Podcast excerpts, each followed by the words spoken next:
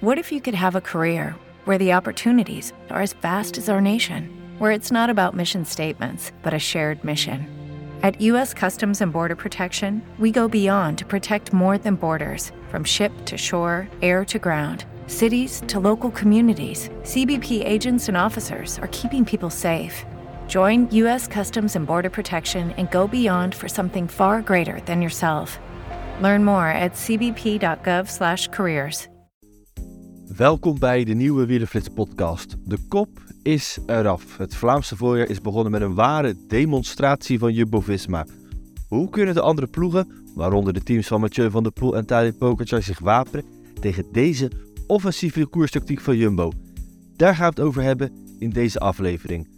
Deze week doe ik dat zonder Jury. Die is met vakantie, maar met collega Raymond Kerkhoffs. En in het tweede deel van deze aflevering gaan we het hebben over Jonas Vingegaard. En kijken we ook al met een schuin oog vooruit naar Parijs-Nice en Tirreno Adriatico.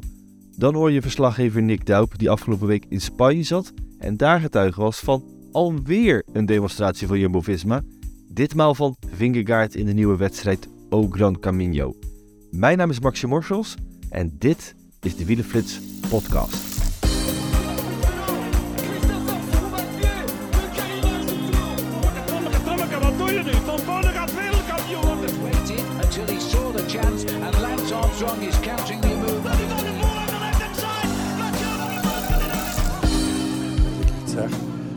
Aan vlas geplakt en dan staat er morgen een wielenflits. Van één discussie zijn we nu af. Het seizoen is voor iedereen nu begonnen, want het openingsweekend is achter de rug. En het is een opvallende geworden. Dat is eigenlijk ideaal het geval, maar nu is het opvallende dicht bij huis met het ja, bijzondere rijden van Jumbo-Visma met twee overwinningen. Dylan van Baarle in Omloop het Nieuwsblad en Ties Benoot in Kuurne-Brussel-Kuurne. Raymond, jij en ik waren er zaterdag bij. Jij hebt al menig openingsweekend gezien. Hoe schat jij deze in? Eh, Vond je hem opvallender dan anders? Nou, het stempel dat eh, Jumbo-Visma op de wedstrijden heeft gedrukt is echt heel groot. Juist ook omdat ze twee dagen achter elkaar deden. En met name wat mij opviel is dat ze met de hele ploeg al eigenlijk op zo'n 100 kilometer voor de streep in beide koersen het initiatief namen om de, eh, het peloton eh, behoorlijk uit te dunnen, om een overtalsituatie te creëren. Ja, en dat geeft gewoon echt aan tot de, de kracht in de breedte, dat ze daar echt een stuk sterker zijn dan de concurrentie. Ja, en, eh, ik vroeg me ook af, want dat was natuurlijk een beetje het thema. wat als je het nu een paar dagen later naar terugkijkt, de manier van rijden, eigenlijk wat een groot gespreksonderwerp is. Vooral het vroege aanvallen. Ja, er zijn bijna verwachten. eh, vroeg me af, ja, hebben die, hebben die andere teams zich daar dan in laten, laten verrassen? Of is het vooral de sterkte manier van rijden dat, ja, dat, dat ze er gewoon niet tegenop gewassen zijn op dit moment? Maar ik denk dat ze er echt op dit ogenblik eh, een beetje bovenuit steken. Eh, we moeten wel natuurlijk eerlijk zijn. Hè? Er zijn een aantal grote toppers die waren niet aanwezig. Hè? Wout van Aert, dan ook nog Jumbo-Visma. Eh Mathieu van der Poel, eh Tadej Pogacar, eh Julian Alaphilippe, Biniam Girmay. Kijk, dat zijn toch de smaakmakers, de absolute mannen die we straks richting Ronde van Vlaanderen en Parijs-Roubaix gaan verwachten. Dus de concurrentie was nog niet optimaal, dat moeten we ook eerlijk zijn. En ja, in omloop moet ik ook zeggen van in het verleden heb ik ook hele straffe st- stoten van de ploeg van Patrick Lefevre gezien. Ik herinner me 2003 toen eh, vijf renners voorop reden met Max van Heeswijk als enige niet-quickstep-renner. Johan Museeuw won toen. Ik kan ook herinneren dat ze met vier man voorop reden, onder andere met Nicky Terpstra, eh, Tom Bonen en Stijn van den Berg. En toen lieten ze zich piepelen door Ian Stannard. Maar toen bewezen ook Quickstep dat ze in de breedte heel sterk waren. Dus, dus wat dat betreft hebben we dat wel vaker gezien. Maar het meeste indruk was ja, het complete collectief en dat twee dagen achter elkaar. En ja, ik denk toch dat de concurrentie wel een behoorlijke klap heeft eh, eh, ge- ontvangen. Eh, heeft moeten incasseren. Eh, met name dan Soudal, eh, Quickstep. eh, en ook, ik denk, Alpecin eh, de Koning. Dat dat toch de ploegen zijn die toch heel even geschrokken zijn van hoe ze zoek zijn gereden. Ja, al is natuurlijk zeker bij eh Soudal Quickstep ook een beetje aangekondigd. Het is niet de grote verrassing dat dat daar ging gebeuren. Ehm, na afloop van Omloop het Nieuwsblad eh, ben ik ook eventjes eh, was de eerste keer dat we het zagen waarvan we het even dachten van oké, kan Soera Quickstep uh, wel uh, een vuist gaan maken in dit voorjaar? Ben ik even naar uh, hun ploegleider gestapt, Wilfried Peters. En die vroeg ik naar ja, hoe zij daar nu naar kijken. Op drie fronten een heel sterk team stellen is niet evident. En ja, met z'n Asgreen, ehm, dat is die man die zeker dit openingsweekend had goed aangekruist. Die is ziek weggevallen. En onze jongens kwamen iets te kort, dus uh, we hadden wel een valpartij en uh, lekker band op een slecht moment. Maar dat mag niet de reden zijn om, uh, om niet te spelen in de finale. Maar laten we hopen voor morgen. We zagen ook wat pech. Tim de Klerk onder andere, Seneschal had geloof ik ook wat tegenslag. Ja, dan is het denk ik al heel lastig in zo'n wedstrijd als vandaag. Ja, je mag niks, te, niks tegenkomen, maar dat mag niet de excuus zijn denk ik. er waren nog andere jongens, Ballerini was daar, ook Lampaard. Het is zoals het is. we hebben achter de feiten aangeroeid vandaag ja, dit is natuurlijk wel een beetje het geval bij uh, Sorok Quickstep. Iets verzachtende omstandigheden met op drie fronten voor hun ook uh, koersen. Er werden natuurlijk ook nog in de, in de UAE gereden. Zij reden ook nog in uh, Droom Ardèche met, met Philippe. En dan al tegenslag eigenlijk nog voor de wedstrijd met Asgreen die wegvalt. Ja, dan is de spoeling al dun. Maar goed, we hebben het hier wel over Solo Quickstep. Ja, nou ik, Kijk, als je, als je, je moet het van renner tot renner gaan bekijken. En als ik dan Nathan van Hooydonk ga vergelijken met Florian uh, met een Ballerini of me, met bijvoorbeeld een Yves Lampaard. Ja, dan ga ik niet zeggen dat die drie renners van Soudal dat die een stuk minder zijn dan Nathan van Hooydonk. Maar als je ze in de wedstrijd zag, ja, dan stak Nathan van Hooydonk gewoon met kop en schouders erbovenuit. En ja, eh, het, ik kreeg eigenlijk een beetje het gevoel alsof alle ploegen heel dom zijn bezig geweest de afgelopen winter. En tot uh, Jumbo-Visma de enige ploeg is die het op het ogenblik slim als adem pakken. En daardoor met kop en schouders erbovenuit steekt. Ja, we hebben met uh, Arthur van Dongen, met, met, met Richard Plug ook uitgebreid gesproken van... Ja, wat hebben jullie dan afgelopen winter meer gedaan? En ja, ik geloof niet zozeer dat het alleen die berg is die het verschil maakt. Natuurlijk kun je op Tenerife heel uh, goed geconcentreerd uh, trainen op altijd rond het Hotel El Parador. Dat is voor de rest bijna niks. Dus je bent alleen maar met het fietsen bezig. En je hoort ook van die jongens, die trainingen die zijn veel zwaarder dan de wedstrijden zelf. Maar in mijn ogen zit vooral ook het grote verschil in de mentale voorbereiding. In november zijn ze al in Gent in het Van der Valk bij elkaar gekomen, enkele dagen met die klassieke kern. Hebben parcoursen verkend, hebben materiaal getest, hebben video's bekeken van andere koersen en zijn al zelf over hun tactiek gaan nadenken en discussiëren. En dat betekent dat je de hele winter met zo'n openingsweekende, maar straks ook met een uh, Hagelbeke, met een Ronde van Vlaanderen in je hoofd zit. Ja, en ik denk juist in dat mentale gebied, daar is echt in het wielrennen nog heel veel te winnen. En ja, als je dan zo sterk rijdt op die punten waar ze het verschil maken op 100 kilometer, dan ga je ook groeien, dan ga je vertrouwen krijgen. En ja, daar zit volgens mij ook een groot deel van het succes van afgelopen weekend. Ja, dat is wel, wel interessant, want het gaat natuurlijk ook erom dat, uh, eh, laten we zeggen, voorheen was Soerak Quickstep de ploeg die op de manier hoe Jumbo-Visma nu rijdt, uh, reed. Zag je ook andere renners boven hun kunnen uitstijgen. Ja, dat zie je nu collectief bij Jumbo-Visma gebeuren. Ook met, met Jan Tratnik, die super dominant rijdt. Uh, met Nathan van Hooydonk, die bijna uh, Kuurne wint en, en in beide koersen een sleutelrol speelt. Ja, is dat alleen is dat alleen met, met dat met mentaal goed zitten maken, waar ze dan wel over spreken?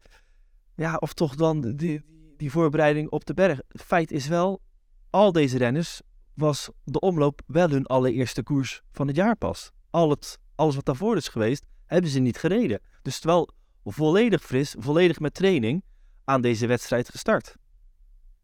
Ja, kijk, het mooiste voorbeeld is eigenlijk Dylan van Baarle. Komt toch van Ineos uh, Grenadiers, uh, de ploeg die uh, toch jarenlang te boek heeft gestaan als de nummer één ploeg van de wereld. Ja, ik was vorige jaar, vorige winter was ik bij hem op bezoek in Monaco. Die is echt een super professionele renner. Echt zo met zijn vak bezig. Zo ken ik er eigenlijk maar weinigen. En hij gaf toen al eigenlijk een beetje aan van... ik heb voor Ineos gekozen, of toen Sky, toen hij daarvoor tekende. Omdat het de nummer één ploeg is. En ik wilde zien wat ze daar deden. En wat ik aan mezelf zou kunnen verbeteren om nog die stap te zetten. En met name voor hem waren de ogen open gegaan op een trainingskamp uh, richting de Tour de France. Toen hij met Jaron Thomas en Chris Froome trainde. En zag dat er weer een stap bovenop moest. Nou, afgelopen winter heb ik ook uh, Dylan van Balen heel uitgebreid gesproken over zijn overstap naar Jumbo-Visma. En toen heeft hij ook weer bewust gezegd van, ik heb gekozen voor Jumbo-Visma omdat dat momenteel de beste ploeg is. Na een aantal jaren in Neos ben ik weer toe aan iets nieuws, iets vernieuwends. En dat zie ik dus juist wel weer bij Jumbo-Visma. Dus ik ben benieuwd wat zij kunnen veranderen. En dan hoor je ook dat het complete voedingspatroon is veranderd. Dat hij juist minder moest gaan trainen. Uh, Mathieu Heijboer, met wie hij ook al werkte bij de Rabobank Belofte, die heeft echt gezegd van dat uurtje extra wat uh, Dylan uh, voorgaande jaren richting de klassiekers altijd extra deed. Ja, dat moest er vanaf. Ja, en ook in de tactiek, daar was ook meegaan in die ploegtactiek, waar voor iedereen gewoon een eigen kans kan krijgen, iedereen zijn kans kan creëren. Ja, dat was ook een overstap. Dus wat dat betreft zie je toch dat het aanpak van Jumbo-Visma totaal anders is dan bij Ineos Grenadiers. En ja, ik, ik, ik zie ook, als je, als je Dylan ziet, die 2, 3 kilo wat hij is afgevallen, ja, dat straalt van die jongen af. Ja, dat lijkt toch ook weer een feit te zijn dat hij daardoor ook weer beter uh, fietst.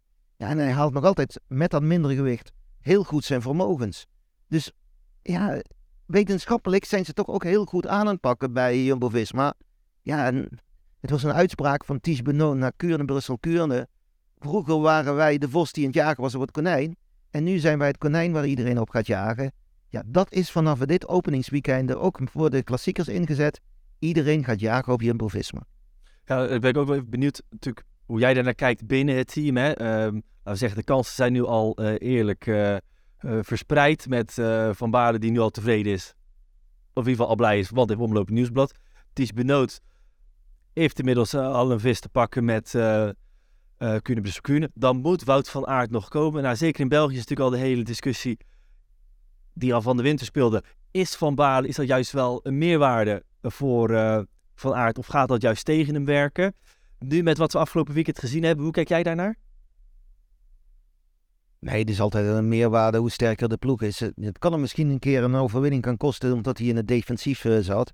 Maar ja, dan, ik vind die situatie vergelijkbaar met Tom Bonen in zijn beste jaren bij, uh, bij Quickstep. Uh, de Nicky Terpstra's, de, Nick Nuyens, de Stijn de Volders. Ze wonnen ook allemaal hun wedstrijden. En ook grote klassiekers als uh, Ronde van Vlaanderen en Parijs-Roubaix. Maar als je uiteindelijk naar het palmares van Tom Bonen kijkt, ja, dan heeft hij met al die goede renners om hem heen toch de meeste grote klassiekers gewonnen. En dat zal met Wout van Aert ook het geval zijn. Maar ja, ik, ik kan me ook wel weer de situatie gaan voorstellen dat Matje van der Poel zich vooral gaat richten op het wiel van Wout van Aert straks in de Ronde van Vlaanderen. Dus wat dat betreft is er misschien meer vrijheid voor een Dylan van Balen, voor een Ties Benoot, dan dat uh, Wout van Aert hier echt zelf grote voordelen van heeft.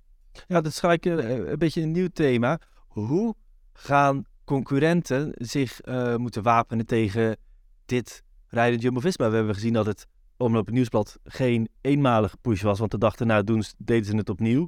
Nou, dus er komen koersen die toch over vergelijkbaar terrein gaan zijn. Straks met, met de E3, uh, dwars door Vlaanderen, noem maar op. Ja, wat gaat de concurrentie moeten doen? Ja, ik, ik denk nog beter anticiperen op de vroege ontsnapping. Want eigenlijk de les van het openingsweekend is dat uh, op 100 kilometer van uh, de streep uh, Jumbo-Visma in staat is om het peloton enorm uit te dunnen en zo een overtalsituatie te creëren. Nou, dat zou dus betekenen dat je toch betere renners in de vroege ontsnapping uh, moet zetten.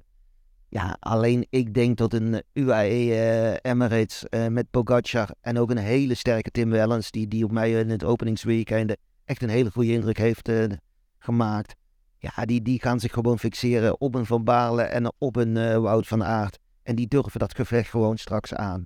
Kijk, het gaat straks toch tussen de kampioenen ook moeten gebeuren. En hoe gaan die uh, ermee om? Pogacar en Mathieu van der Poel zijn goede vrienden. Gaan die eerder een blok nu vormen tegen Jumbo-Visma? Ja, misschien wel. Het zag in ieder geval heel erg makkelijk uit hoe ze de koers aan het uh, ja, bespelen waren. Ik vroeg er ook naar van ja, dat makkelijke rijden. Uh, waarschijnlijk ziet het er makkelijker uit dan dat het, dan dat het was. Dit is vandoor. Ja, maar het is niet zo makkelijk als dat het lijkt misschien. Hè? Maar dat is ook als je mooi voetbal ziet, dan lijkt het ook heel makkelijk. Maar dat is natuurlijk niet. Maar ehm, nou ja, ik heb uh, al eerder gezegd, uh, vanaf november hebben wij hier heel veel tijd en energie in gestoken. Het begint natuurlijk met de samenstelling van, van de ploeg. Hè? een goede rennersgroep. November verkenningen, meetings, materiaaltesten. Iedereen weet, weet zijn taak. Performance team heeft echt heel goed voorbereidend werk gedaan met de jongens klaar te stomen. Ja, en dan is dit de, de outcome. Ja, de grote vraag de, waar ik een beetje mee zit, gaan ze dit de komende weken kunnen volhouden? Ik vroeg ze er al een beetje eh, naar. Oh, goed, de eerste volgende wedstrijd is uh, Strade Bianche. Maar zowel Benoot als Van Dongen waren bijzonder kort over de manier hoe ze, of ze dit ook kunnen gaan tonen in, in de strade. Ik denk dat dat iets, iets minder relevant is. En ik wil die koersen niet met elkaar vergelijken. Want strade is gewoon een specifieke koers, staat op zich. Dus nee, dat gaan we nu niet met elkaar vergelijken. Ja, voordat we helemaal overgaan naar, uh, naar, naar de straden, Raymond. Het viel mij toch ook wel op, ook de manier, het zelfvertrouwen. Is dat misschien uh, arrogantie wil ik het zeker niet noemen, maar het was echt het zelfvertrouwen waarmee de ploeg uh, sprak. Zeker ook de teammanager Richard Plugge. Ik dacht van ja, zolang, dat, zolang het succes aan je zijde is, kun je dat maken. Maar gaat het ook niet werken als een beetje als een rode lap op een stier? Hoe kijk, ja. jij, hoe kijk jij ernaar? Ja, wat de echte pannenkoeken waren, dat gaan we pas uh, na Luik, Bastenaak en Luik weten. Hè? Dus uh, je doelt natuurlijk op zijn uitspraak die hij zei uh, in het Frans. Ja, ik, ik stond ja. eigenlijk in een klein beetje verbaasd toen ik met, met hem sprak. Toen hij die in één keer die uitspraak naar voren haalde. Misschien moeten we hem nog eens laten horen. Vorig jaar won Wout hier. En uh, toen hadden we ook een heel goed gevoel. En uh, ook dingen die uh, goed gingen. Toen hadden we wel wat coronabesmettingen nog later. Dus ja, laten fingers crossed dat dat nu allemaal wegblijft. Maar ja, het is natuurlijk fantastisch dat je, dat je op deze manier kan, kan beginnen. En ja, zoals de Fransen plegen te zeggen... les premières crêpes sont pour les, les enfants. Nou, dit zijn nu de, de volgende lichting pannenkoeken die er, die er aankomen. Ja, ik moet eerlijk zeggen, ik dacht in eerste instantie dat hij dit de eerste pannenkoeken uh, voor de kinderen, dat Van Balen en uh, Benoot uh, de pannenkoeken kregen. maar hij doelde dus echt op wedstrijden als de Tour Down Under, de Ronde van Oman. Het bleek dat hij een interview had gehad met een Franse journalist en die wees erop dat half februari Jumbo-Visma op de 24e plek op de UCI-ranking stond. En eigenlijk pas één overwinning met Rowan Dennis in de Tour Down Under had behaald. Dus daardoor was hij misschien toch een beetje gepikeerd. Ja, en ja, ze hebben zich echt, het, seizoen is voor hun pas echt begonnen in uh, dat laatste weekend van februari. Met het openingsweekend, maar ook met de Onkran Camino. Waar Jonas Wingegaard drie overwinningen behaalde en de eindzegen. Dus ja, daar wees hij op. Maar ja, als we straks al die monumenten hebben gehad en Jumbo-Visma wint geen van die monumenten ja, dan zal er toch wel een beetje gewezen worden. Ja, die eerste pannenkoeken, ja, dat zijn dan in één keer omloop en kuurne. Dus het is een uitspraak die als een boemerang uh, bij hem terug kan komen. Ja, ja. daarmee ook uh, al meteen het zaadje geplant van... Ieder geval, wat we nog vaker kunnen bediscussiëren in de podcast... hebben ze niet te vroeg gepiekt. Maar goed, dat valt natuurlijk niet helemaal... Nou, dat is lastig te zeggen. Ehm, nu lastig te zeggen. Dat, dat gaan we pas later meemaken. Um, als we, als we de aanpak van Jumbo-Visma de laatste jaren bekijken, dan weten ze wel hoe, wat ze moeten doen op, op een grote afspraken echt uh, in topvorm te zijn. Dus wat dat betreft moeten we wel, denk ik, vertrouwen hebben dat Jumbo-Visma op het ogenblik goed bezig is. Dat ze er straks pas echt die, die piek gaan bereiken rond de Ronde van Vlaanderen en rond Parijs-Roubaix. En dat het op het ogenblik niet de wedstrijden zijn die ze puur alleen als, als, als, als, als hoofddoel zien. Maar dat dit nog altijd voorbereiding is uh, richting uh, die grote klassiekers. Nog één naam waar we zeker even bij stil moeten staan. Arno de Lee. Uh, wordt tweede, rijdt gewoon op buitenblad de muur van Gerardsbergen omhoog. Eigenlijk bijna de hele omloop zo'n beetje, zou je zeggen, doe een tandje lichter.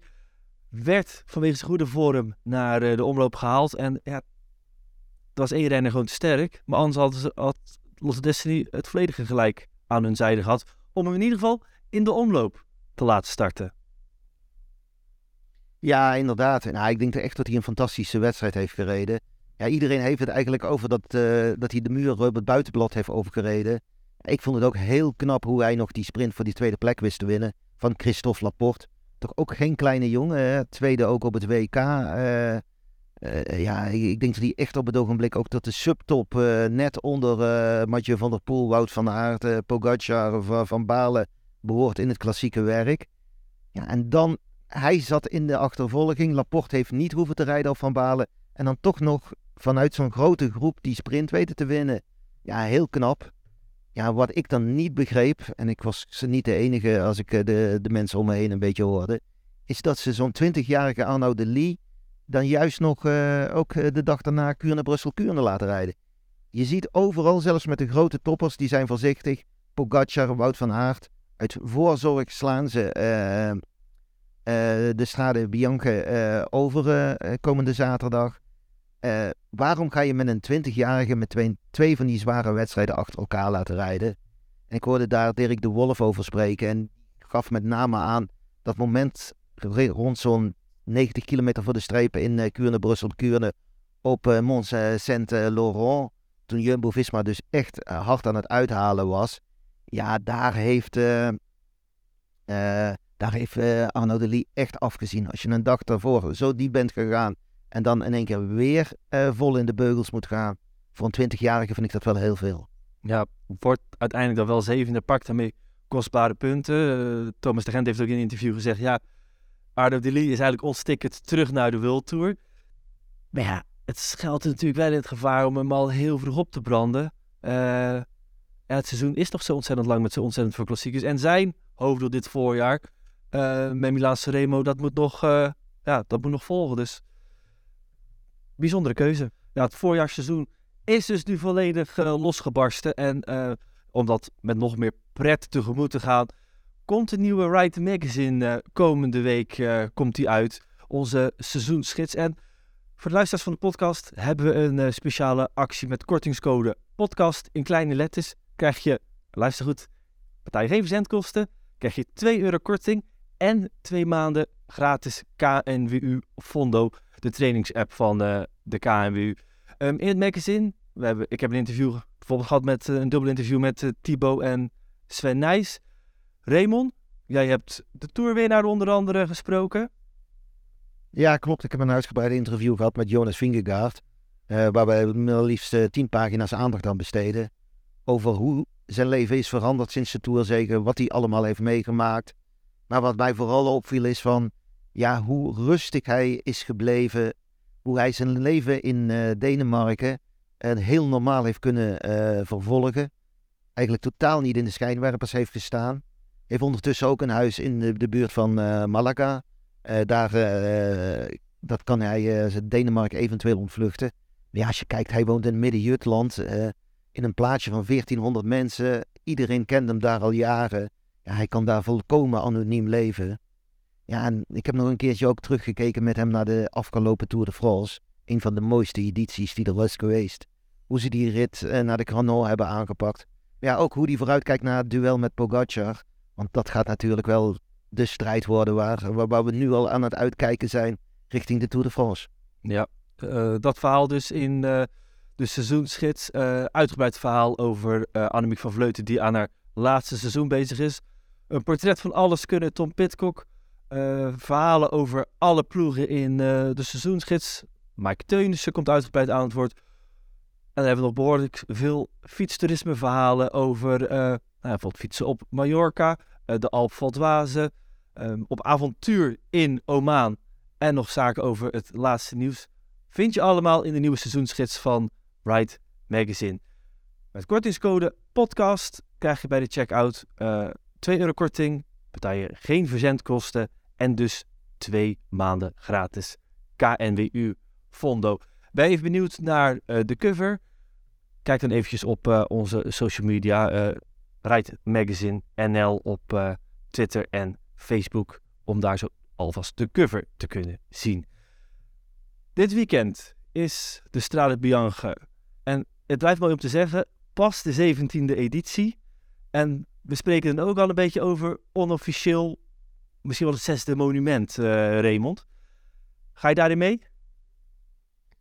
Uh, nee, daar heb ik toch nog wel een beetje moeite mee. Uh, is een Amsterdam Gold Race dan niet een zesde monument? Is Gent-Wevelgem dat dan niet? Uh, ja, eh, Strade Bianca heeft enorm veel romantiek. De fantastische eh gravelwegen, de witte zandwegen, zeg maar. Het prachtige Toscaanse land, die heuvels, die fantastische finish. Ja, het is een wedstrijd om bij weg te dromen. En ja, je ziet jezelf daar al heerlijk zelf fietsen over die wegen en tussen die cipressen.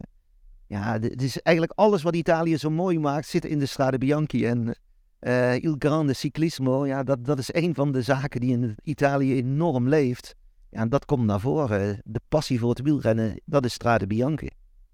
begon ontzettend veelbelovend qua deelnemersveld. Het is natuurlijk eigenlijk een van de weinige koersen waar zowel klassieke specialisten als klassementsmannen tegen elkaar eh, kunnen opnemen. Mogen de laatste weken geen Bernal, geen Pogacar en dan ook nog eens geen Wout van Aert. Nou ja, Vingegaard en Evenepoel, die stonden al nooit op de planning. Eh, blijft dat van de grote fenomenen het, het moeten gaan doen met, met de Mathieu van der Poel. Pitcock gaat wel starten. Ala Philippe. Het is een koers waar, als we naar vorig jaar kijken, schitterend is. En waarschijnlijk ook wel schitterend gaat worden. Maar heel eventjes begon ik te vrezen van, oké, gaat de voorpret niet groter zijn dan straks het koersverloop? Kun je pas antwoord geven op, eh, op zaterdagavond? Maar ik denk dat de kans nog klein is dat dat gaat gebeuren. Misschien geef je nu zelf antwoord op die vraag die je eerder stelde: van is de Strade Bianca niet het zesde monument? Kijk, als renners als Pogacar, Wout van Aert eh, afzeggen, omdat ze toch bezig zijn met in hun vizier koersen als Milaan Sanremo, Ronde van Vlaanderen, Parijs-Roubaix, dan eh, voor Wout van Aert ook. Dan geeft dat dus toch aan dat de Strade Bianca hier echt nog een eh, paar treden onder staat. Want anders sla je die koers niet over. En eh, ja, dat, dat is gewoon de realiteit. Eh Pogacar die rijdt Parijs-Nice. Die had in eerste instantie een privévliegtuig geregeld, zodat hij vanuit Siena direct richting Parijs kon vliegen. Nou, op aanraden van Alan Piper is dat uiteindelijk toch niet gebeurd. Eh, heeft hij toch gekozen om alleen Parijs-Nice te rijden en ja, niet te veel hooi op zijn vork te nemen. En ja, ik denk ook dat dat heel verstandig is. Niet te veel te willen, want de grote doelen voor Pogacar, ja, die gaan nog komen. Hij heeft de strade gewonnen. Kijk, de Ronde van Vlaanderen, dat, dat is, zou de nieuwe parel in het voorjaar op, op zijn palmares zijn. En uiteindelijk gaat Pogacar, als je het hele seizoen kijkt, maar op één wedstrijd afgerekend worden. En dat is de Tour de France. Ja, als ke- kijken naar het eh, parcours van de Stade Bianca, 184 kilometer. Het is onveran- onveranderd ten opzichte van vorig jaar.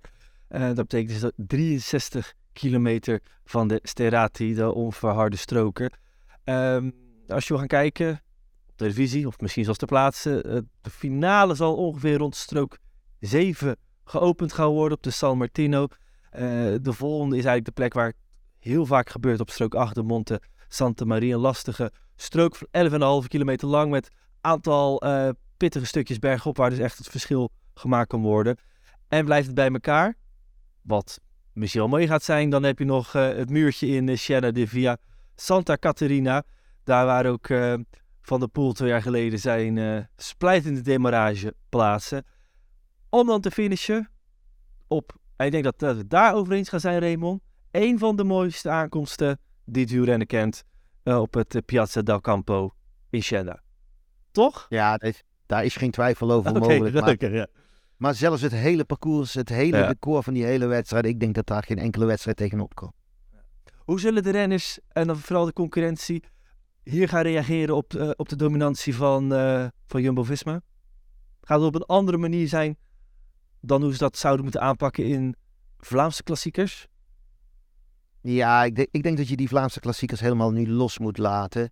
En er staat toch weer een hele andere Jumbo-Visma aan de start. Eh, eh, ja, iedereen heeft het dan erover dat Wout van Aert niet rijdt. Maar Dylan van Baalen is ook bijvoorbeeld een van die mannen die niet rijdt. En Laporte eh, is er ook niet bij.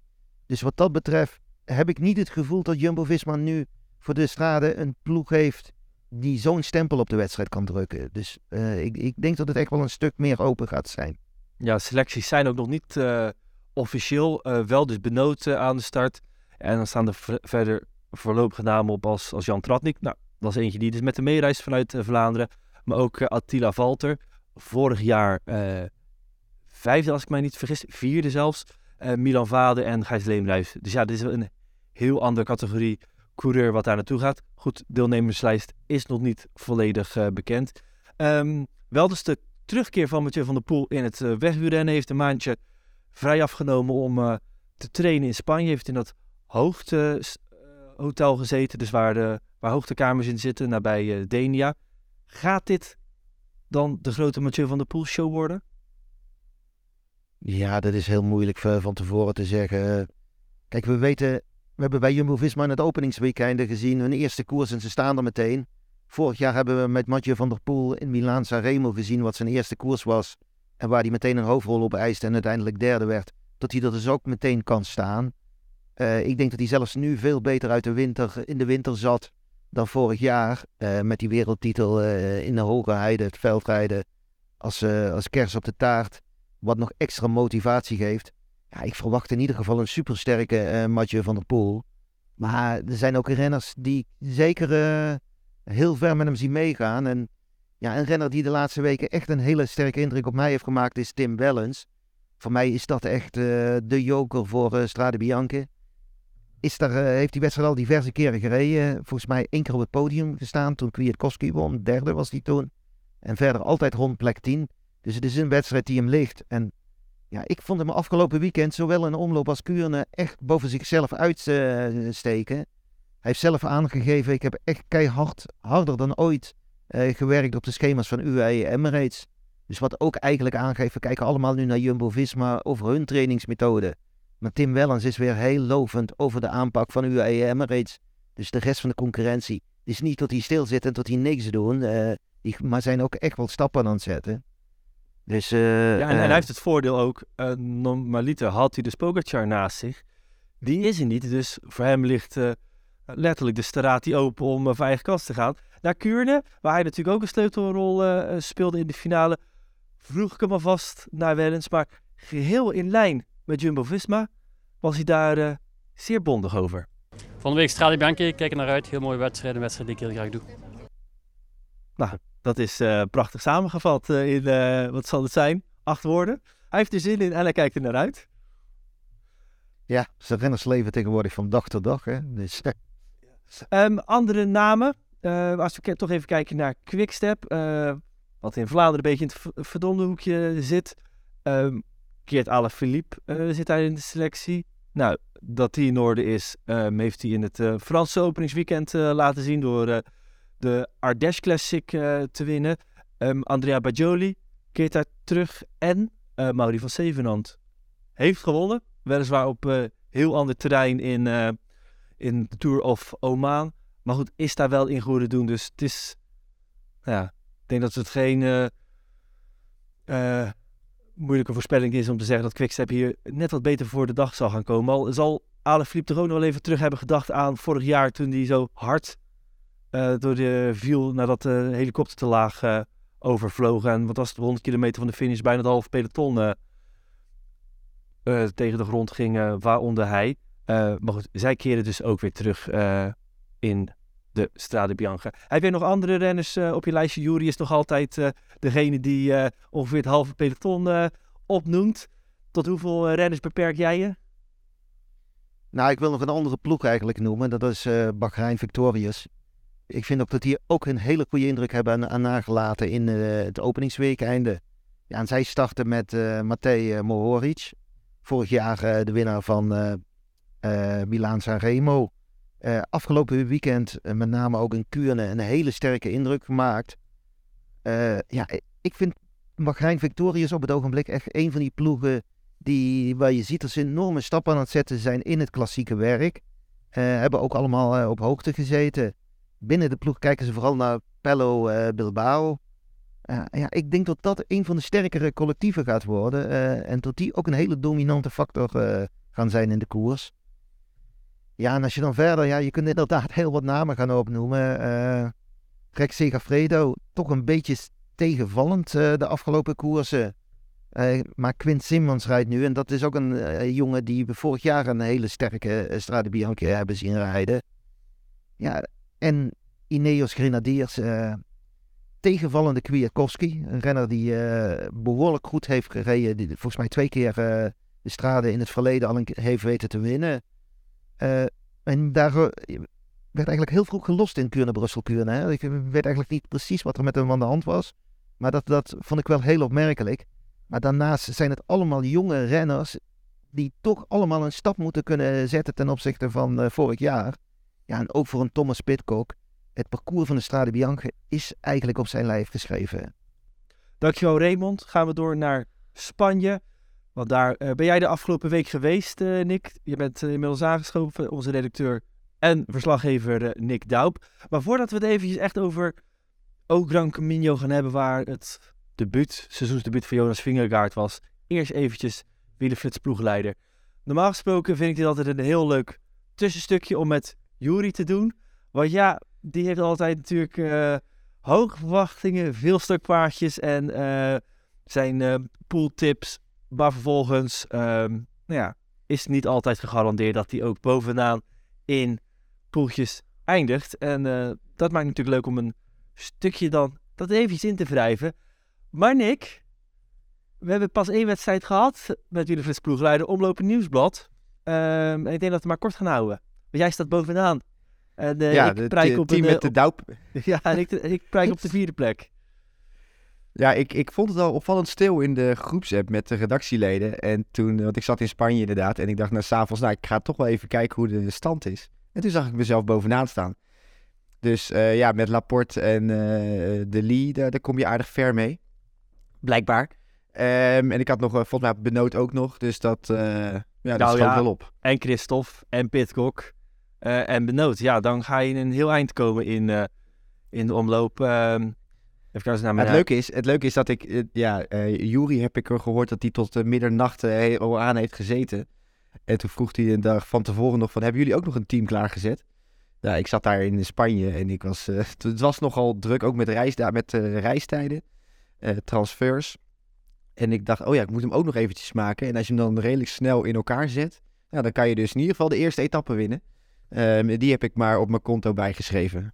Ja, ik eh, ga niet verklappen wie mijn team eh, in, in elkaar heeft gezet. Eh, ik heb een aantal suggesties gedaan en toen heeft iemand anders die er zegt verstand van te hebben het samengevoegd. Maar uiteindelijk ben ik met Laporte, Dilly, Pitcock en Louvel, die nog knap 13e werd. En met ook nog Tratnik, die dan nog 10 punten pakt. heb ik er 81 in totaal. Jij 100. Eh, en dat zet, brengt mij dus op een vierde plek in het wielerflitsklassement. Jij eerste. En ga het toch even benoemen. Jury zesde. Voor de mensen die willen flitsploegleider spelen, je kunt je nog altijd aanmelden. Ehm, is de deadline zaterdagochtend om te wisselen. En let op, in het klassieke spel kan je ook eh, renners nu eh, uit je team zetten en nieuwe erbij eh, voegen. Dus nou ja, heb je bijvoorbeeld Van de Poel niet in je team en Van Aert wel, dan kan je die nu nog wisselen. Want ja, Van Aert gaat niet meedoen aan Strade Bianche. En voorlopig Van de Poel wel nog. Ehm, Nick, O Gran Camino, het debuut van Jonas Vingegaard. Vier etappes. Hij wint etappe 2, 3 en 4 en is daarmee eigenlijk de enige die ritzegens geboekt heeft in die hele wedstrijd. Ja, want de eerste ging niet door. Tenminste, de eerste ging wel door. 160 kilometer. Ik heb ze nog eh, eh, voor, voor mijn neus langs zien rijden. Eh, aan de finish. Want daarna was nog een rondje van 20, 25 kilometer. En toen gingen ze de berg in. En daar was het nou, sneeuw alsof, eh, alsof de, de WK skiën eh, plaats ging vinden. Ehm, ja, dat, dat, dat kon echt niet meer. En ja, die andere twee etappes waren aankomst bergop. De derde dag was zelfs nog een aankomst van 7 kilometer gepland volgens mij. Maar door de kou en de, de, ook daar lag heel, heel veel sneeuw. Hebben ze daar besloten om eh, hem in te korten naar 2,5, 3 kilometer. Maar dat was ook een ongelooflijk stijl ding. Ja, daar, daar kon Vingegaard ook niet verliezen. Eh, zeker niet met een tegenstand van Ruben Guerrero, eh Jesus Serrada en Jon Izagirre. Ehm, en de tijdrit was hij ook oppermachtig als je ziet met welk verschil hij wint. Ja. Ja, tweede editie van deze nieuwe wedstrijd dus. Maar ja, jij dacht natuurlijk, ik ga lekker naar de zon toe, eh, naar het zonnige Spanje. En het werd het eh, besneeuwde en eh, koude Spanje. Daar had ik wel gezegd, ja, moet deze koers nog wel in dit tijdstip daar in Galicië wel gehouden worden? Heb je daar, hoe, hoe werd daar ter plaatse over gesproken? Ja, dat was op zich wel interessant, want de week ervoor was het gewoon 15 en 20 graden en liepen de mensen in Galicië met korte mouwen rond. En was het zonnig. Zo, zo verschillend en zo grillig is het daar. Dat is ook altijd in Baskeland zo. Het is ontzettend mooie regio. eh, ruw. eh, groen. Maar ja, dat komt ook door de neerslag. eh, dat, dat het zo groen is. En ja, de, de mensen van de organisatie die zeggen ja, ik heb in de 20 jaar niet zoveel sneeuw gezien als nu in de afgelopen twee dagen. En in de, de derde etappe reden ze door een vallei heen. Daar zeiden ze, ja, daar hebben ze geen sneeuwschuivers, want daar komt, ligt nooit sneeuw. dus. Die moesten ze ook ergens vandaan halen. En dus dat laat ook zien hoe, hoe uniek dit eigenlijk was. Eh, ik had me wel voorbereid op kou, want dat kon ik in ieder geval wel aanzien komen. Eh, mijn schoenen alleen niet, dus die moet ik ergens nog of een keer wassen of ik eh, moet een nieuw paar gaan kopen. Ehm, maar ja, dat, het, het was heel bijzonder en koud, maar gelukkig is het grootste deel kunnen verreden worden. Ja, en voor de organisatie dan ook de gedroomde winnaar op iedere dag de, die, eh, waar, waar gefinished is. Ehm, nieuwe koers ook voor Jumbo-Visma, eh, dat ze hier zo eh, van start gingen. Weet jij waarom Vingegaard voor deze wedstrijd heeft gekozen? Waarom precies niet? Ja, het is voor hem een ideale voorbereiding op, op Parijs-Nice geweest. Ehm, vorig jaar kozen ze voor het, het Franse tweeluik in het openingsweekend. Daar won Vingegaard toen de Droom Classic. En nu hebben ze gekozen voor een, een vierdaagse. Ook met twee bergetappes en een, eh, een tijdrit. Ik denk dat dat net iets allrounder is. Iets breder, eh, ook om zich te testen. Eh, ik denk alleen niet dat zij uitgegaan waren van deze weersomstandigheden. Anders hadden ze misschien ook wel gekozen voor, voor Frankrijk. Ja, al zag ik dat het daar ontzettend hard waaide op de zondag, de wedstrijd die hij een jaar geleden won. Ehm, ja, het is natuurlijk ook een beetje start in de luwte. En ik denk ook dat ik het wedstrijd niet per se tekort doe als ik zeg dat het een bescheiden deelnemersveld was. Ik denk dat dat al mooi omschreven is, toch? Nee, dat was het ook. En dat, dan hoor je ook meteen van tevoren van ja, Jonas is aan zijn stand verplicht om te winnen. Nou, dat is hij ook en dat heeft hij ook laten zien. Vier World Tour teams. Eh, niet zo heel veel pro-conti- pro- pro-teams. en dan nog een hele sloot met eh, Portugese continentale teams. En Trinity bijvoorbeeld aan de start. Ja, dat... ehm, ja, Jumbo-Visma dat dan met Vingegaard, eh, Kruiswijk, Dennis, eh, Valter en nog drie development renners start. Ja, dat, eh, die konden ze bijna niet verliezen. En dat, dat hebben ze in ieder geval goed uitgevoerd. En dat is niet zo makkelijk. Dat heb ik nog in een andere sport ook gezien deze week. Ehm, ja, dat, dat moet je dan maar doen. En Ja. dat hebben ze in ieder geval goed gedaan. Ja, je hebt de ploegleider Frans Maas gesproken die eigenlijk goed samenvat wat de conclusie is van ook Gran, na ook Gran Camino. En natuurlijk was hij wel een beetje aan zijn stand verplicht, maar eh, ja, vier overwinningen in eh, drie dagen eh, kon slechter. Ehm, welke conclusie kunnen jullie als ploeg eh, verbinden aan deze wedstrijd en deze eh, vier dagen en eh, drie, drie koersdagen? Conclusie, nou ik denk sterk team gezien eh, met een sterke leider. eh, leuke ploeg, een eh, mix van jong en oud. En eh, ja, ik denk eh, dat Jonas heeft getoond dat hij klaar is voor Parijs-Nice. En eh, we gaan zien eh, hoe dat zich verhoudt ten opzichte van de echte toppers. Ja, in Kuurne zag je ook nog als je kijkt naar de, de renners in de ploeg, dat Perstad Hagenes daar werd uitgespeeld en al heel vroeg in de wedstrijd een belangrijke rol speelt. Pas 19-jarige renner. In ook Gran Camino was het Johannes Stanemietet. Speelde die daar ook een belangrijke rol? Nou, zeker in die eh, eerste etappe die dan finishte, dus de eerste bergetappe, eh, daar ah, was een aankomst van drie kilometer. Ook heel stijl. En eigenlijk was zijn taak om vanaf de voet ehm, volle bak te gaan. En ehm, toen eh, zat Vingegaard in zijn wiel en zat Valt daar nog achter. En dan was eigenlijk het plan van, nou, is Valt er nog nodig om ingezet te worden? Maar die uh, Staunemietet, die reed zich het schompus. Volgens mij zag je dat ook op de beelden zelf. Hij... hij trok zijn bek open. Alles wat hij gaf, eh, dat, eh, of alles wat hij in zich had, gaf hij. En toen hij wegstuurde, toen vloog Vingegaard al meteen weg. Dus eh Valter was daar niet eens nodig. En de dag erna zei Staudemit het in overleg vlak voor de slotklim. Van nou, ik ben toch nog een beetje moe. Dus toen deed Valter die rol. En die werd uiteindelijk nog derde in die rit. En die miste het eindpodium uiteindelijk op, op slechts vijf seconden. Dus dat was, vond hij een beetje jammer. Maar eh, in ieder geval laat zien dat Valter in, in, in orde is. En dat Stouder Miet het in ieder geval voor de toekomst eh, ook eentje is om op te letten. Ja, over uh, Attila Valter, uh, de nieuwe aanwinst van Jumbo-Visma. Binnenkort een interview, of eigenlijk dit weekend al een interview met hem op, op Flits. Um, Ik denk, ja. Als we dan eventjes verder kijken, wat viel nog meer op aan Ogran? Ik denk dat ze hun marketing goed voor elkaar hebben, want toen we het WK veldrijden was ik er al lovend over. En ik denk dat Ogran Camillo nogal een stapje, uh, overtreffende stap heeft gedaan. Dat waren de beelden van de FPV-drone. Uh, ik werd er bijna, bijna wagenziek van. Uh, zeker die beelden rond de tijdrit van, uh, van Jonas Winkegaard. Maar het zag er wel ontzettend vet uit. Heb je daar nog iets meer over gehoord? Hoe dat tot stand is gekomen of waarom, waarom ze het deden? Nou, die, die, uh, dat is op zich wel interessant, want die wedstrijdleider, dat is Ezekiel Mosquera. En volgens mij, jij en ik ook, toen, toen we zijn naam hoorden, uh, toen ging, moesten we even twee seconden nadenken en dachten we, oh ja, dat is die uh, ene renner, die Spanjaard die ooit nog in een ver verleden onder contract heeft gestaan bij Movistar, of bij Vakant Soleil. Vierde in de Vuelta geworden. Ehm, toen is hij een keer gepakt op een maskeringsmiddel en daar is hij een aantal jaar later nog voor vrijgesproken. Um, maar hij is de drijvende kracht hierachter en hij kwam ermee. En hij liet beelden zien van, uh, aan, uh, aan een collega van de organisatie. En die zei, ja, uh, yeah, yeah, this we want to do it in, in een afdaling. Van de, en die zijn uiteindelijk is die geschrapt. Dat wilde, ze wilden in een afdaling die beelden van de drone gebruiken.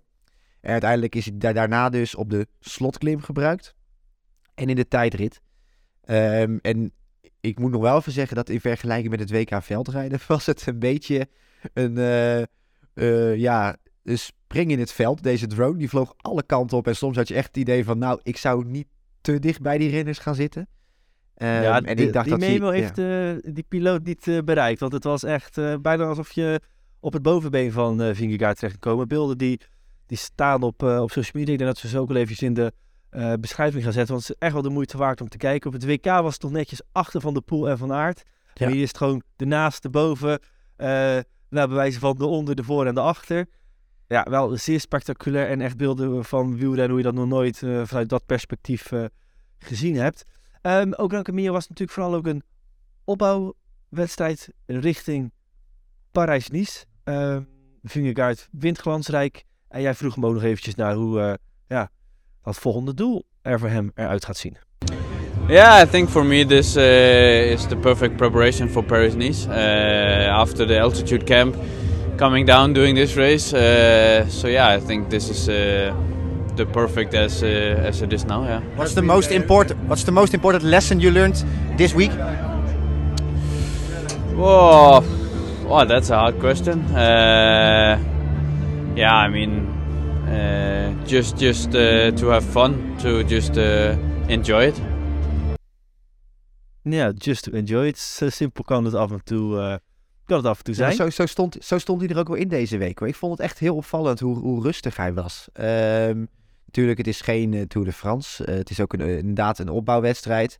Robert Wagner was een andere ploegleider. Die zei van ja, als, als hij in Parijs-Nice 100% wil zijn. Maar dan moet hij hier anderhalve week van tevoren wel al 98% zijn. Um, en dat liet hij ook gewoon zien. En vlak toen hij die tijdrit verkende, toen, toen, toen zei hij ook tegen Wagner van, dit is echt mijn tijdrit, hier ga ik echt voor. En ik denk ook dat hij zich in die tijdrit nog het meeste getest heeft van die drie dagen.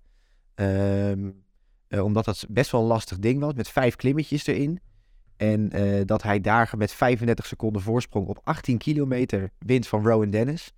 Um, ja, dat zegt denk ik nog meer dan die twee aankomsten bergop. Want die had hij sowieso wel gewonnen. En hij bleef omkijken. En uiteindelijk verloor hij dan in de laatste kilo, in de laatste honderden meters toch nog wat seconden. Uh, maar die tijdrit was echt uh, ja, indrukwekkend. En de belangrijkste test, denk ik, voor hem richting Parijs-Nice. Ja, die test is natuurlijk best belangrijk. Want in Parijs-Nice daar wel een uh, samenkomen met uh, Tadej Pogacar, die er ook start. Dus dat gaat wel een bijzonder duel waarschijnlijk kunnen opleveren. Um, geen stralen dus voor Pogacar, wel Parijs-Nice. Hetzelfde geldt voor Vingegaard. Zondag gaat het van start. En ja, eigenlijk opvallend deze week. Ik, ik vroeg een beetje af, hebben we met z'n allen zitten slapen? Want dat parcours en dat is die ploegentijd, het is al een tijdje bekend. Um, maar ze blijken eventjes, en dat hebben we gemist, de regels te hebben aangepast. Of althans, ze gaan gebruik maken van andere regels in die ploegentijdrit. Leg even uit, eh, Nick, want dit is wel iets om zeker met uh, argusogen naar te kijken. Ja, eigenlijk, het is op de derde dag is er een ploegentijdrit in de Parijs-Nice. En normaal, ja, dat is eigenlijk heel normaal. Uh, wordt de tijd van de vierde renner gerekend. Uh, dus je kan het ploegentijdrit met zeven in een grote ronde met acht starten. En dan kan je de vier overboord gooien. Maar dan moet je zorgen dat je niet te hard rijdt om die vierde man uh, te, te lossen. En wat ze nu bij Parijs-Nice gedaan hebben, is naar de regels gekeken en gedacht van, oh, wij kunnen dus ook gewoon zeggen dat de tijd van de eerste renner geldt. En dan wordt het een heel interessant uh, tactisch spel. Want dan kan je eigenlijk gewoon één lange lead-out doen en zeggen in de laatste kilometer, Jonas, ga jij maar in je eentje verder. Um, en, want iedereen krijgt zijn eigen tijd. Uh, dus um, de nummer 2 krijgt, stel dat de nummer 2 10 seconden later over de finish komt, dan krijgt hij ook gewoon zijn tijd van Jonas Vingegaard plus 10 seconden. Even als voorbeeld te nemen. Um, en bij UE Emirates zijn ze, met Pogacar, zijn ze daar echt wel naar aan het kijken van uh, hoe kunnen we dit nou tactisch goed uitspelen. Uh, en, want dit is een heel nieuw concept en daar moet echt over nagedacht worden. Hij krijgt een beetje zoals in het baanwielrennen met uh, de teamsprint hebben. Teamsprint, dat ja. Een renner uh, afvalt en uiteindelijk uh, ja, de, de renner achter hem steeds een, ja, een, een, zetje geeft. Dus het is... Het, is... het is heel interessant en ik denk maar, ik zat er toch nog even wat langer over na te denken. En dan denk ik van ja, eigenlijk denk ik dat, dat Jumbo-Visma bijvoorbeeld, die gaan echt met een ijzersterk team starten. Uh, die hebben uh, Rowan Dennis bijvoorbeeld uh, mee. Die hebben Tobias Vos, de wereldkampioen tijdrijden, die hebben, hebben die mee. Christophe Laporte, nou die is in vorm. Nathan van Hooijdonk, nou dat is een brede rug waar je achter kan zitten. Olaf Kooi is dan een sprinter. en Steven Kruiswijk staat er ook op, maar die is nog niet helemaal 100%. En die heeft laten weten, die heeft afgelopen weekend niet de tijdrit in uh, Gran Camino gereden.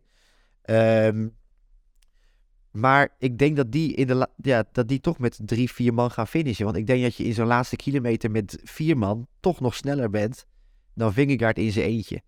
Uh, en dan twijfel ik of bijvoorbeeld Pogacar in zijn eentje, die zou dat misschien dan nog wel kunnen om af te maken, sprintend.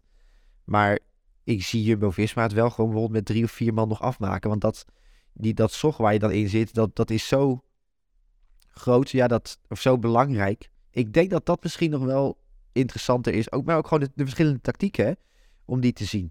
Ja. Uh, wie, gaat met twee, wie gaat met twee kopmannen over de finish? Wie gaat met één kopman over de finish? Dat is ook wel interessant. Ja, dag drie in Parijs-Nice, dat is dus komende dinsdag. Als we kijken naar het klassement. Ja, het is nog bijzonder weinig bekend over het deelnemersveld. Uh, Pogacar, Vingegaard zijn zeker, Bardet ook. Maar uh, ja, wie verder eigenlijk nog kans hebben zouden zijn op het klassement, dat is... zie ik voorlopig nog weinig namen voor in aanmerking op uh, nee, deelnemerslijst. Misschien Bob Jungles. Ik heb een voorzichtige blik geworpen op de voorbeschouwing die binnenkort online komt. Um, ik zie daar in ieder geval op de voorlopige startlijst, dat is nog eventjes afwachten natuurlijk, Simon Yates staan, Daniel Felipe Martinez, uh, David Godu. Uh, iemand als Matthias Kjelmoze zou kunnen verrassen, al zit er ook een klim nou, van ja, 15 kilometer. Tegen Pogacar en Vingegaard. Uh, nee, dat, daarom, dat, dat is in de marge. Het, precies, normaal gesproken rond die twee gaan. Ik denk dat misschien plek drie nog wel lastiger te voorspellen gaat zijn, normaliter. Um, ook een aantal sprintkansen en sprinters zijn er wel volop. Ik zie ook nog Olaf Kooi op de voorlopige deelnemerslijst staan. Um, David Dekker uh, doet mee. Uh, Sam Bennett. En um, goed, in mindere mate is ook eh, Casper van Uden bij... Nee, trouwens, die doet niet mee. Die zou wel dus meedoen. Niet.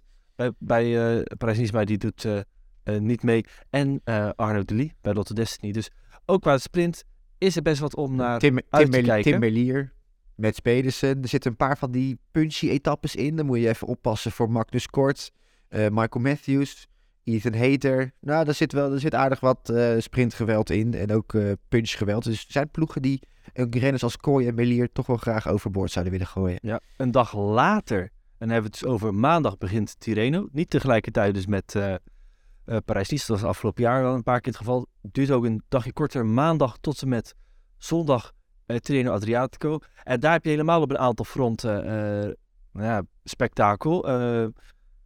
Daar voor het klassement is het nog eventjes afwachten. Daar ligt echt wat opener. Vlaasov, Landa.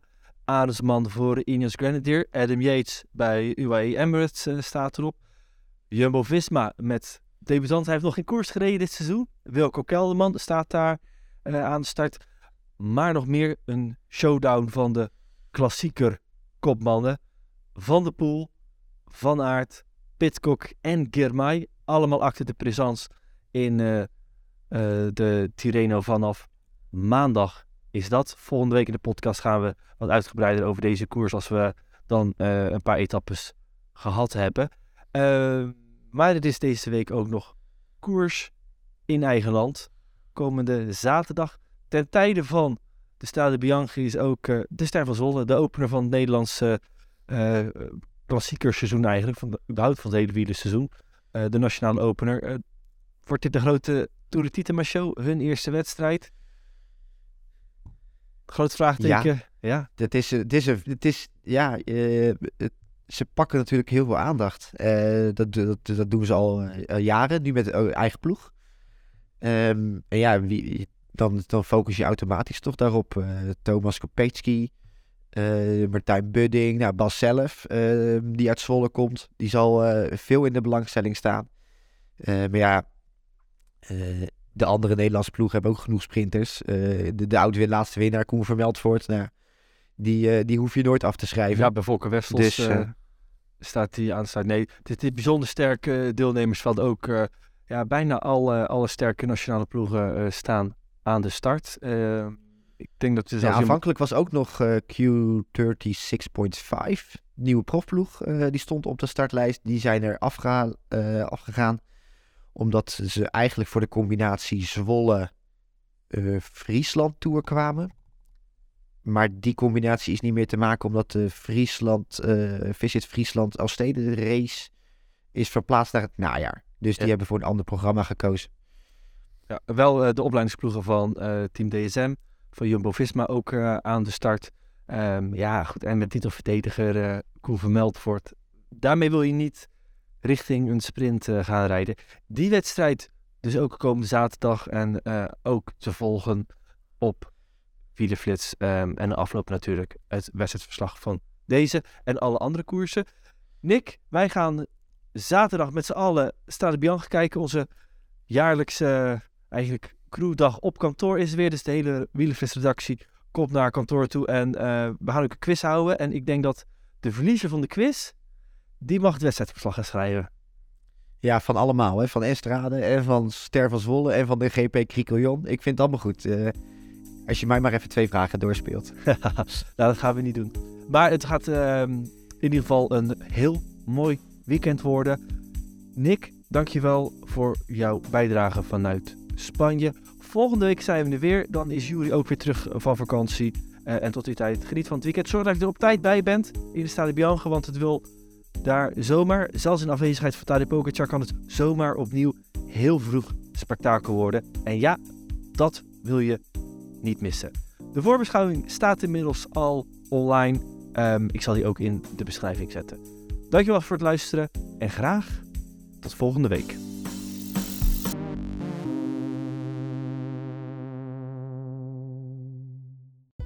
Life insurance. What's your excuse for putting it off? Can't afford it? Too much hassle? Think your work coverage is enough? There's a lot of excuses for putting off life insurance, but one big reason why you shouldn't. If the unexpected were to happen to you, who would pay the mortgage, the kids' tuition, and all the other bills? In a time of grief, the last thing you would want is for your family to have to sell the house and struggle to survive financially. At Ethos, we could get you covered in just 10 minutes and boom, family protected. Rates can increase the longer you wait, so no more excuses. Take 10 minutes today and discover the modern way to get the life insurance coverage you need. Ethos, fast and easy online term life insurance, up to $2 million in coverage with no medical exam. Some policies as low as a dollar a day. Answer a few health questions and get your free quote at ethoslife.com slash audio. That's ethoslife.com slash audio.